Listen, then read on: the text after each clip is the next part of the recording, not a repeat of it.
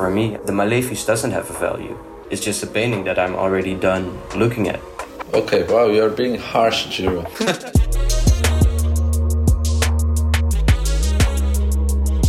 Je luistert naar Perspectief, een blikopening podcast. Gemaakt door de jongste medewerkers van het Stedelijk Museum Amsterdam. Welkom, ik ben Noah, een van de blikopeners van 2019. Ik, eh, ik ben muziekproducer en eh, leuk dat je luistert naar onze podcast. Hallo, ik ben Cecile, ik ben 20 jaar en op het moment studeer ik en zit ik in mijn laatste jaar van mijn opleiding. Dit is aflevering 1 van de driedelige special over de tentoonstelling Presence of Absent, die tot 31 januari in Amsterdam te zien is in het Stedelijk Museum. In deze specials duiken we dieper in op het kunstwerk en de creaties van deze tentoonstelling. We gaan met de artiesten van de expositie spreken en in aflevering 3 gaan we zelfs met de directeur van het Stedelijk Museum praten. Straks hoor je een interview met blikopener Chiro dat hij heeft gedaan met Ahmed Ogut over zijn kunstwerk De Barricade. Maar eerst moeten we misschien even een beetje meer vertellen over uh, de tentoonstelling zelf in The Presence of Absence. Dus uh, ja, Cecile, als je misschien een klein beetje kan uitleggen over wat, wat, uh, hoe de tentoonstelling is eigenlijk. Nou, de tentoonstelling is heel blauw. Het is het eerste wat je ziet, dus je ziet gewoon heel veel blauw. Zeker. Ja, heel blauw. En het is eigenlijk een expositie dus van allemaal verschillende soorten werken die uh, met de Presence of Absence te maken hebben van welke verhalen worden er verteld in de geschiedenis en dat werkt ja, dus welke allemaal... niet, wel, welke ja. worden niet verteld en, en, die komen daar dan. En het zijn dus volgens mij uh, ja, zo'n 26 verschillende artiesten. 23. 23. 23 werken zijn totaal. Ja, het zijn 23 werken in totaal, maar allemaal echt compleet anders. Andere delen van de wereld. Uh, dus ja, Cecile, wat, wat vond jij bijvoorbeeld toen je het echt voor het eerst zag? Toen ik het voor het eerst zag, was ik uh, naar binnen gelopen en ik zat een beetje rond te kijken van wat, wat, wat, wat, wat is dit allemaal? En ik liep verder en aan het einde van de expositie was ik nog steeds van, ja, heel lijp wat ik allemaal gezien heb, maar wacht, wat, wat, waarom, hoe, hoe is Ja. het allemaal? Hoe, hoe vond jij het voor het eerst toen je naar binnen liep en een beetje het zag? Ja, ik, ik vond het wel fascinerend. Wel echt wat mooie werken. En het contrast tussen alle werken vond ik wel ook interessant. Maar weet je, eh, mensen vroegen me, yo, weet je wat de rode lijn is tussen deze kunstwerken? Ik echt, nee, echt Nee. niet, man. Dat, dat was wel echt een, volgens mij een punt bij ons allemaal zo'n beetje toen we het voor het eerst zagen. Ja, klopt. Welke, welk kunstwerk denk je dat het Stedelijk Museum zou moeten gaan kopen zometeen eigenlijk? Ja, wa- want deze tentoonstelling is dus volgens mij deel van de twee, tweejaarlijkse aankoop. Ja, die. Stedelijk elk jaar doet. Dan doen ze een tentoonstelling en dan gaan ze ook deze kunstwerken kopen. Nou, één. Eén wordt er maar Oh, gekocht. oh, dus oh, ja, er wordt er maar waar. één gekocht. Oeh, intens. Ja, Ja, eh, hmm. volgens mij wel eh, ja, de barricade. de Dat was, barricade, oké. Ja, dat was de, toevallig dan ook het, eh, het kunstwerk van Ahmed Ogut. Ehm, en ja, het, het is dus... eh, ik vind het heel fascinerend. Eh, ik heb hier dus ook nu Chiro aan de tafel. Eh, Hallo. Chiro, kan je jezelf even misschien een beetje introduceren? Ja, zeker. Dus uh, mijn naam is Chiro. Ik ben 20 jaar oud. Uh, ik ben op het moment student. Ik uh, studeer communicatie. Uh, ben ik dit jaar mee begonnen en ja, verder ook nog blikopener van deze lichting, uh, lichting 1920. Ja, en Ja. jij hebt dus met de kunstenaar, kunstenaar van de barricade, uh, Ahmad Ogut, gepraat. Ja, zeker, zeker. Ja, was uh, superleuk. Was, was heel fijn om, om met hem te spreken. Ja, en kan je misschien een klein beetje uitleggen over, over het kunstwerk? Want ik heb natuurlijk niet uitgelegd wat precies was. Wat, wat houdt het in? Wat is het eigenlijk? Oké, dus als je de ruimte inloopt waar het kunstwerk staat, uh, zie je eigenlijk direct een barricade. En deze barricade die bestaat uit allemaal voorwerpen die hier uit Amsterdam gewoon op straat te vinden zijn. Uh, zoals stopborden, een auto, uh, hekken. Maar ook kunstwerken vanuit de uh, collectie van het Stedelijk Museum in Amsterdam. Dus het is een, een, een mix en match tussen straat en museum. Ja, heel chockerend. Er zit volgens mij een Mercedes-Benz gewoon op zijn zijkant geflipt. Ja, klopt, klopt, klopt. En een van de grote delen van het kunstwerk is dus uh, van het kunstwerk is het contract wat er wat erbij komt. Yes. Dus als je dat misschien een beetje kan uitleggen wat het. Uh... Ja, het, het, het meest fascinerende vind ik van het kunstwerk is dus dat contract. Mm -hmm. uh, want dat contract zegt, degene die dit kunstwerk koopt, moet dit contract tekenen. En daarin staat dus uh, dat in tijd van nood uh, dit kunstwerk aan het of aan de common people gegeven kan worden. Ja. Of uitgeleend moet worden, moet ik zeggen. Ja, ja, echt als er gewoon opstand komt of zo. Kan voor Ja. protesten gewoon mag het gebruikt worden. Ja, Ja. zeker. Maar dat houdt dus ook in dat alle werken die erin zitten op dit moment, dat die Ja, erbij worden betrokken. gesproken daarover, ik, ik had gehoord dat er, eh, dat er een Malevich dus, dus tussen zat. Echt Ja, een heel, echt peperduur kunstwerk. Ja, ja, dat is een van de kunstwerken die erin zitten. Ik weet niet precies welke het is, maar eh, ja, het is, het is ook een soort. Je kan het ook bekijken als een soort van hele andere manier van dat kunstwerk vertonen. Want normaal worden die kunstwerken natuurlijk op een witte muur gehangen Mhm. en dan kan je er naar kijken. deur ook. Je kunt Ja. er niet dicht in de buurt komen. Ja, zeker. En dan nu opeens zit het in een barricade die dan waar- misschien voor de normale mens gebruikt kan worden. Ja. Heel interessant. Ja. En eh, nou, kijk, we gaan zo meteen luisteren naar de, naar de interview van Ahmed Ogoed. Maar eh, kan je misschien een klein beetje Ahmed voor ons introduceren? Waar hij vandaan komt en... Wie is hij? Ja. Ja, Ahmet. Ahmet is, eh, hij is geboren in Turkije in 1981. Wat hij over de jaren heen heeft gedaan, dat gaan jullie zo meteen horen in het interview. Dus dat laat ik daaraan over. En voor de rest, ja, het het is echt een hele fijne man om mee te praten. Eh, heel stiekem vond ik hem heel erg lijken op mezelf. Ehm, ja, vooral qua gedachtegang. Ja. Eh, dat was ook een van de redenen waarom ik met hem wilde spreken. En ja, hij inspireert me gewoon volledig. Hij heeft me heel erg geïnspireerd door dat, door dat interview. Ja, ja. Dus ja, ik, ik heb echt niet. Ik heb heel veel woorden, maar ik heb te weinig woorden om het uit te drukken. Ja, precies. Jullie hadden echt een goed gesprek gehad. Ehm, ja, nou, dus zoals je zei, we laten het over aan Ahme- Ahmed.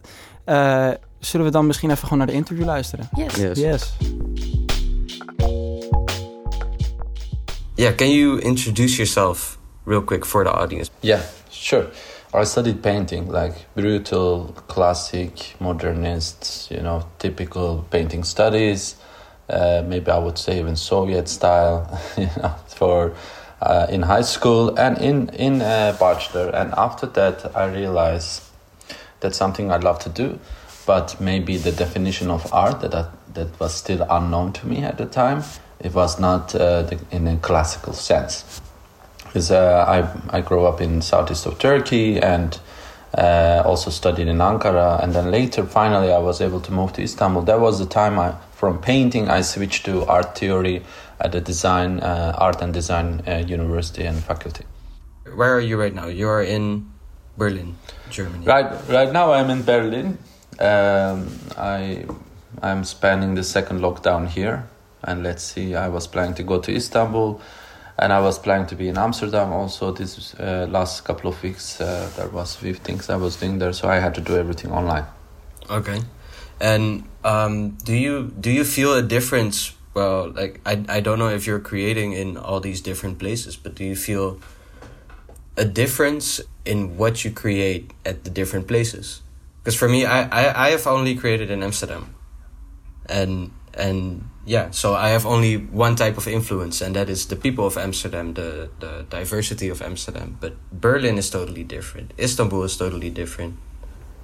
Yeah, I mean, I you know I didn't travel until I was 24, so you're 20, uh, so four more years to go before traveling to any other country. Imagine, I'm sure you have traveled to many countries Yeah, already. yes, I uh, have.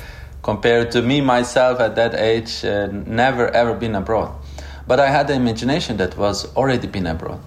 Um, uh, it was already imagining other places, you know, without being there. Like you have some sort of like little uh, inputs, you know, sometimes images, sometimes visual memories. You know, sometimes you imagine, uh, you, you imagine London as a rainy place, but you've never been there. You you even know it. You even see on your dream maybe that you have been there, but you've never been there. You know how the atmosphere is somehow, and then it kind of corresponds when you go there first time. We build up memories before we have them and uh, not everyone has the privilege to travel right away.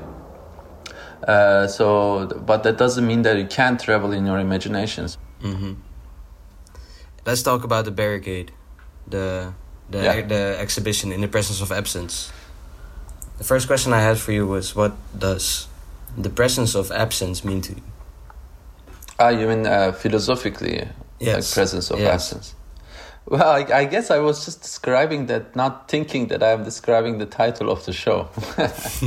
um, you know, this titles comes like as a curatorial concept, and you always think if you trust the curator, you know, you know that there is a deep uh, story behind it. Sometimes it's just a title, but in this in this particular exhibition, which is happening every year, I believe this municipal acquisition exhibition and every year with a different concept and then everything with a bit more like the the you know soul of that moment you know to, to try to capture but sometimes it is more like homework exhibition which uh, you know um, a title comes with a description and a group of artists and artworks coming together sometimes it is a magnetic moment and i feel like this presence of absence this exhibition and i explained like why especially now during COVID, that we can we have a lot more limitation in movement and space. Uh, this exhibition was able to happen. It was possible. Was was able to happen. Was able to have a public impact. You know, so uh, there was a lot of debate and discussion because it really touched upon certain issues, and you know, those issues is not like to that we take things granted. We take things granted that we could be somewhere what if we cannot be there? What if the artist cannot be there? What if the, the museum cannot be there? What if the audience cannot be there? Can we still do exhibitions? Can we still communicate art in this very complex times, you know, in a very complex way? Do we just uh, close it down? Do we just postpone it completely? Or do we make it happen? and I, I see that the show not only in a conceptual level not only in a description level but also very practical level it does what it does very effectively and it doesn't do, it through one single artwork you know in most group shows maybe you if you like you find one good artwork interesting artwork but it does through multiple artworks that are in a high level uh, consciousness and impact on uh, conversation and topics and audience. So, and that's a very greatly done curatorial job. You know, uh, very important uh, topics to address. My my next question going to dive a little bit deeper.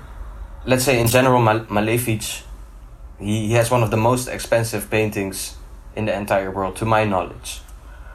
Um, but for me, as a 20 year old in Amsterdam, a Malevich is not worth 100 million euros, for example. Mm-hmm.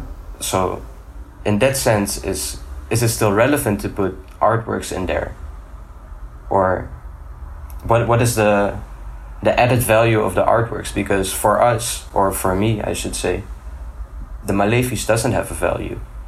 It's just a painting that I'm already done looking at. Yeah, Okay, wow, you're being harsh, Jiro. yeah, it's yeah. I'm, you I'm, might be you might be putting the value of the painting down if you continue talking like that. I think in uh, in the art market the values start going down right now. so yeah, yeah, it is also the speculation, right? If there are more people talk like you, then say, I don't see this painting valuable, but I see the other one more valuable. This should be the value of it, and then more and more people talk about it, and then some other come pay for it, you know, uh, because you speculated it. It's a different thing. This is a different sort of value you're talking about. This is a this is a, a market generated value for an artwork.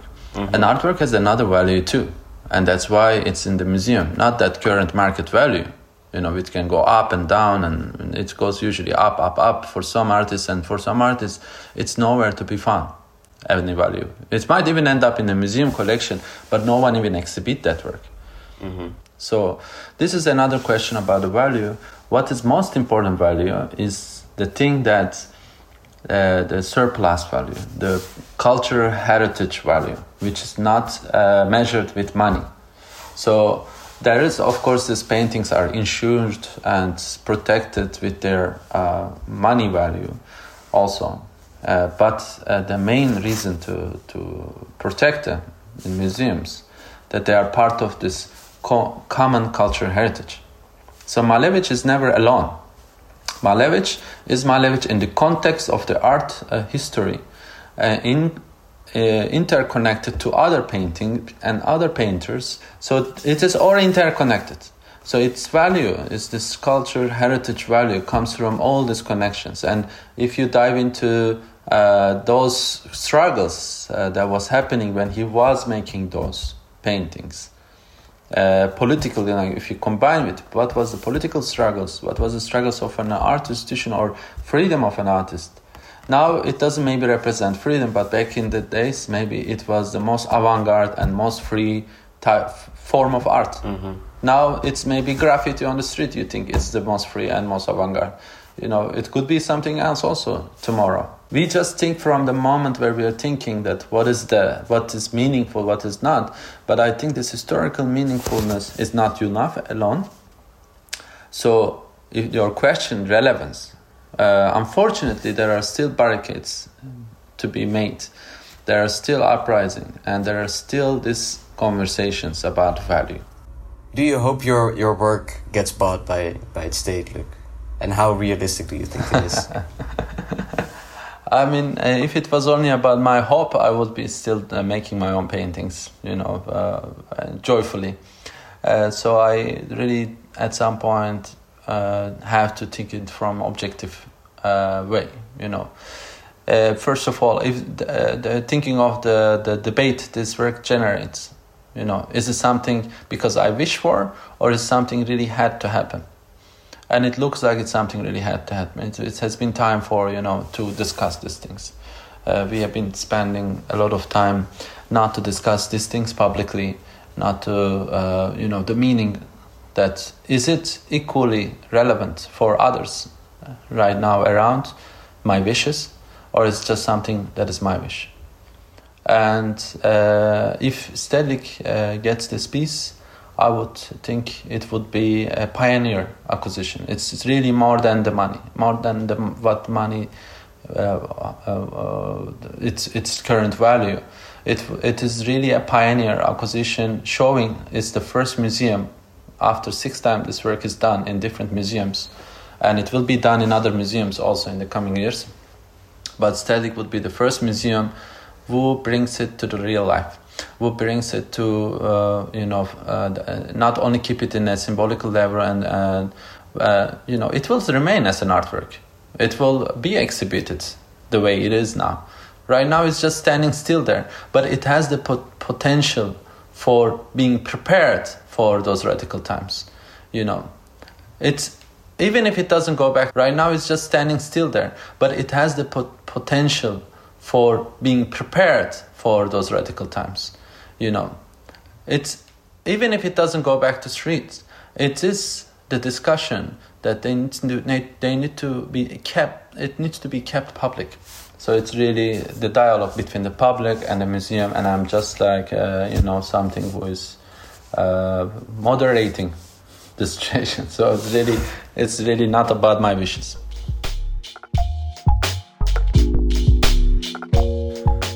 Nou, fascinerend. ja, jullie hebben echt een heel interessant gesprek gehad. Een hele onorthodoxe manier van interview vond ik. Het was echt meer een gesprek dan een heel formele interview. Ja, klopt, klopt. Ja, klonk heel chill allemaal, hoe jullie gewoon aan Precies. het babbelen waren. Ja, echt meer vriendschappelijk dan gewoon helemaal strak en zo. Vol Ehm, goede vibe. Precies. Eh, ja, ik weet, waarom, waarom? Want we, mochten dus kiezen welke artiest we wouden interviewen eh, voor deze podcast. Waarom, waarom koos je Ahmed met zijn kunstwerk? Eh, ja, dat is eh, een hele goede vraag. Want ehm, in eerste instantie, toen ik hier aan dacht, van, of toen we mochten kiezen van deze, deze persoon wil ik graag spreken, dacht ik niet per se aan de persoon achter de barricade die op dit moment in het museum staat. Mhm. Want de eerste keer dat ik door de tentoonstelling liep, was het, het was niet mijn werk. Ehm, gewoon van, ik, ik was er niet, ik werd er niet door gemoved, om zo te zeggen. Ja, En toen uiteindelijk, nadat we een paar keer hadden gesproken met... ehm, ik ben even zijn naam vergeten, maar we hadden gewoon een paar lesjes van hem. En ja we hadden Hij- dus een gastles gekregen over de tentoonstelling. Yes, en hij heeft mij gewoon heel erg laten zien van... Ja, dit is eigenlijk dat, dat hele kunstwerk. En toen kwam ik achter dat contract.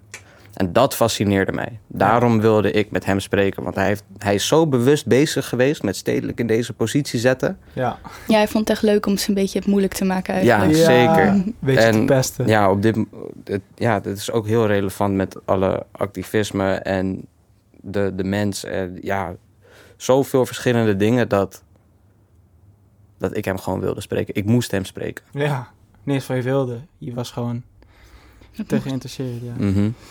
En verliep het interview een beetje zoals je had verwacht? Of was het een beetje... eh, Ehm, ja, nou, ik had, ik had dus gewoon zo'n heel opzetje geschreven. Ja, ja, ja. Maar ehm, ja, uit- uiteindelijk ben je gewoon met die gast aan het praten. En dan worden drie vragen in één vraag beantwoord. Eh, ja, dan wordt het een beetje improviseren. Ja, ja. Maar we hebben echt, echt lekker door kunnen praten. En hebben het over hele mooie dingen gehad. Ah, top, top, top. Ja wat, ja, wat precies vond je dan eigenlijk zo? Want ja, natuurlijk, zoals je zei, het was echt over het activisme van vandaag. Maar wa- wa- waarom triggerde je dat echt? Dat, dat concept van dat contract dat erbij kwam? Ja, het, zeg maar hoe als je... Als je creëert, in de, in de breedste zin mogelijk... dan moet je heel bewust zijn over de keuzes die jij maakt. En dat kan bijvoorbeeld, ja, ik ben dus een danser. En als ik dan een, een dansstuk zou maken, dan moet ik precies weten hoeveel stappen ik naar een andere positie moet zetten, bijvoorbeeld. Of Ja. hoeveel stappen er in een frase zitten.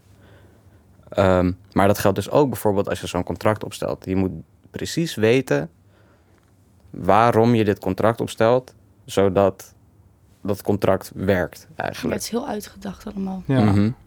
Eh, ja, daar, dat is kunst. Alles gewoon heel bewust kiezen. Ja. En, daar, en daar je vrijheid in vinden. Ja, nou, het is natuurlijk niet voor elke soort kunst, maar voor, voor dit bijvoorbeeld. Ook omdat het, weet je, is volgens mij op zo'n formele manier gedaan in de vorm van een contract. Ik bedoel, je zou ook gewoon kunnen zeggen, yo, ik wil dat je dit gebruikt eh, als een barricade. Als iemand het vraagt, dat ze het dan gewoon mogen meenemen. Maar omdat het zo'n specifiek contract is, is het echt gewoon real, weet je? Ja, je, je, je bent opeens verplicht om je daaraan te houden. Ja. Puur, puur omdat je handtekening ergens onder zet. Dat is ook een, een, een gek dingetje van tegenwoordig, vind ik. Ja, Ja, een contract. nu. Bijvoorbeeld ook in de muziekindustrie of zo. Je zit er gewoon aan vast. Mhm. Ja, ja en ook om stedelijk in zo'n moeilijke positie te doen is iets wat niet vaak gebeurt. Nee, zeker niet. Want ja, zoals je hebt gehoord, die, er, er hangt een Malefic die meer dan waarschijnlijk 100 miljoen euro waard is. Ik heb, ik heb echt geen idee hoeveel dat waard is. Nee, maar die zijn veel geld. als je, als je dan in gesprek gaat met de kunstenaar zelf en hoe ik denk als een, als een tiener eigenlijk nog. Ja, Ja. ik ben dan twintig, geen tiener meer. Maar eh, snap je dan, als je dat, ja, ik kom heel slecht uit mijn woorden nu, maar No stress. eh, ja, Ja, maar ook, ook gewoon de achtergrond waar... Nou, we komen zo... Wij en Ahmed zijn er compleet andere achtergronden. mhm. Ik bedoel, als je ook... Als je hier in... eh, wat ik echt fascinerend vond tijdens de interview... is op een gegeven moment hadden jullie het over dus de prijs van zo'n kunstwerk. En toen had jij het over de prijs van, van het werk. En nou, ja, ik vind het niet 100 miljoen waard. eh, omdat het gewoon een kunstwerk is. En, en toen ging hij het hebben over de culturele waarde van, van zo'n werk. En het liet me even denken, want weet je, hij- komt wel echt van zo'n achtergrond dat je ja, wel veel eh, mee- meekrijgt van die cultuur. En hij heeft ook heel veel daarover geleerd. Meanwhile, wij in Amsterdam, we zijn surrounded met van alles en nog wat. We hebben 10.000 culturen gewoon in Amsterdam hier. Precies. Precies. Ik bedoel, net zoals like, alle straattaalwoorden die we hebben komen bijna uit het Surinaams en het, het Marokkaans wezen bijvoorbeeld. We krijgen allemaal verschillende invloeden. Dus het is niet alsof we echt vast aan iets zitten. Dus daarom dacht jij bijvoorbeeld volgens mij echt op die manier. Wat ik echt fascinerend vond. op, op die manier van dat ik de, de waarde van het kunstwerk zeg maar in nummers denk in plaats van het, Ja, maar dat je het gewoon minder snel kon zien. Like die culturele waarde die er dan bij zit. Omdat je... ja dat is ook grappig hè? Ja, Ja, ja, precies.